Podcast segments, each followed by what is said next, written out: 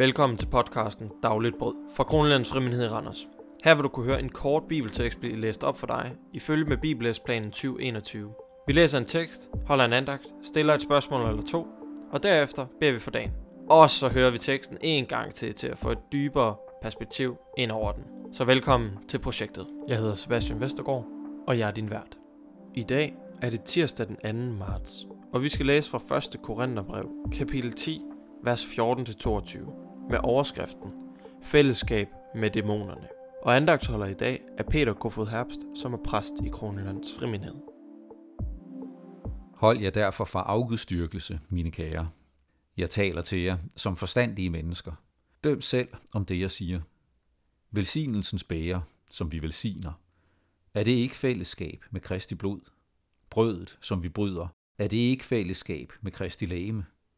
Fordi der er et brød, er vi alle et lægeme, for vi får alle del i det ene brød. Tænk på Israels folk. Har de, som spiser af offeret, ikke fællesskab med alderet? Hvad vil jeg sige med dette? At det, som offres til afguder, er noget, eller at afguder er noget? Nej.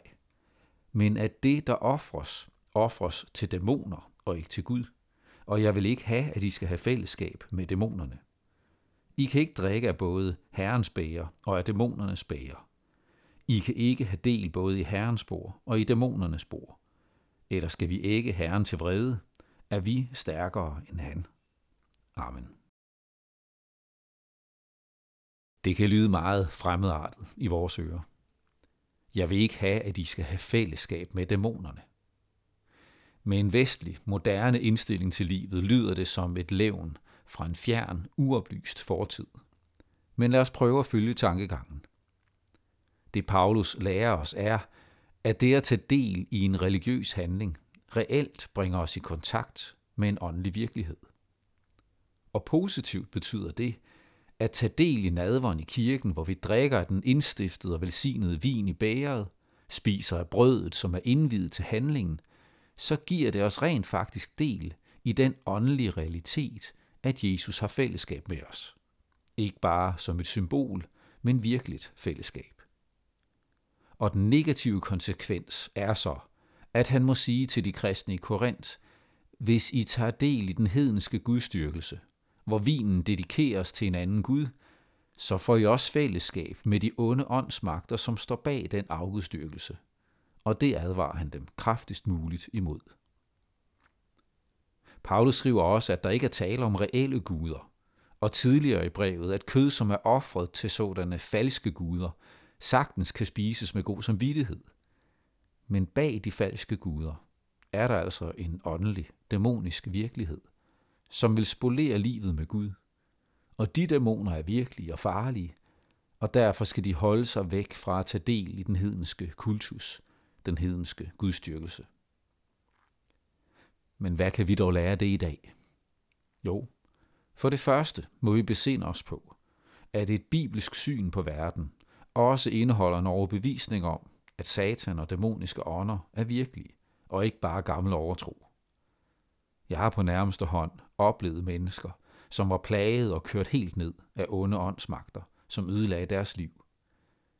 De kan bevidne, at dæmoner er virkelige, og at Jesus var stærk nok til at sætte dem fri. For det andet må vi tage imod gaven. Det fællesskab med Jesus, som vi inviteres til at få i nadveren, er et virkeligt og reelt fællesskab. Der er mere på spil, end øjet kan se og smagsansen registrerer.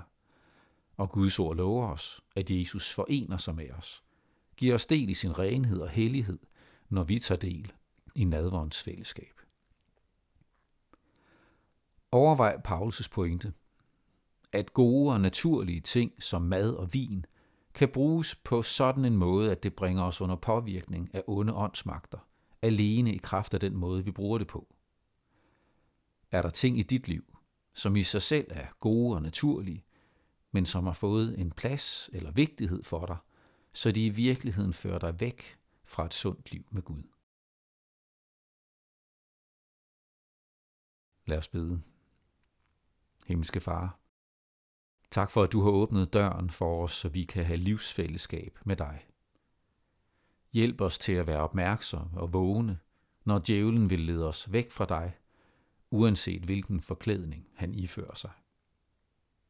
Og gør nu mit sind åbent for dagen, som kommer til mig, så jeg ikke frygter de opgaver og udfordringer, jeg skal møde, men stoler på din trofasthed og tager imod dagen som en gave fra dig. Amen. Og lad os lytte til teksten på ny. Hold jer derfor fra afgudstyrkelse, mine kære. Jeg taler til jer som forstandige mennesker. Døm selv om det, jeg siger. Velsignelsens bæger, som vi velsigner. Er det ikke fællesskab med Kristi blod? Brødet, som vi bryder, er det ikke fællesskab med Kristi lægeme? Fordi der er et brød, er vi alle et lægeme, for vi får alle del i det ene brød. Tænk på Israels folk. Har de, som spiser af offeret, ikke fællesskab med alderet? Hvad vil jeg sige med dette? At det, som offres til afguder, er noget, eller at afguder er noget? Nej. Men at det, der offres, offres til dæmoner og ikke til Gud. Og jeg vil ikke have, at I skal have fællesskab med dæmonerne. I kan ikke drikke af både Herrens bæger og af dæmonernes bæger. I kan ikke have del både i Herrens spor og i dæmonernes spor. Eller skal vi ikke Herren til vrede? Er vi stærkere end han? Amen.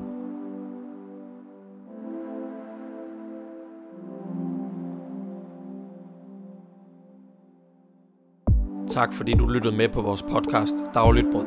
Jeg håber, at du fik noget med. Hvis du ønsker at være med til gudstjeneste om søndagen, så kan du deltage online på vores YouTube-kanal Kronjyllands Friminhed, hvor vi streamer 10.30. Ellers så har vi fysisk nadvergudstjeneste på 30 minutter ifølge med myndighedernes retningslinjer alle søndage 14.30. Og hvis du mangler information om vores kirke eller podcast, så kan du kontakte os via mail, eller du kan gå ind på vores hjemmeside. Begge er linket til i vores beskrivelse. Lyt med igen i morgen, og så håber jeg, at du får en velsignet dag.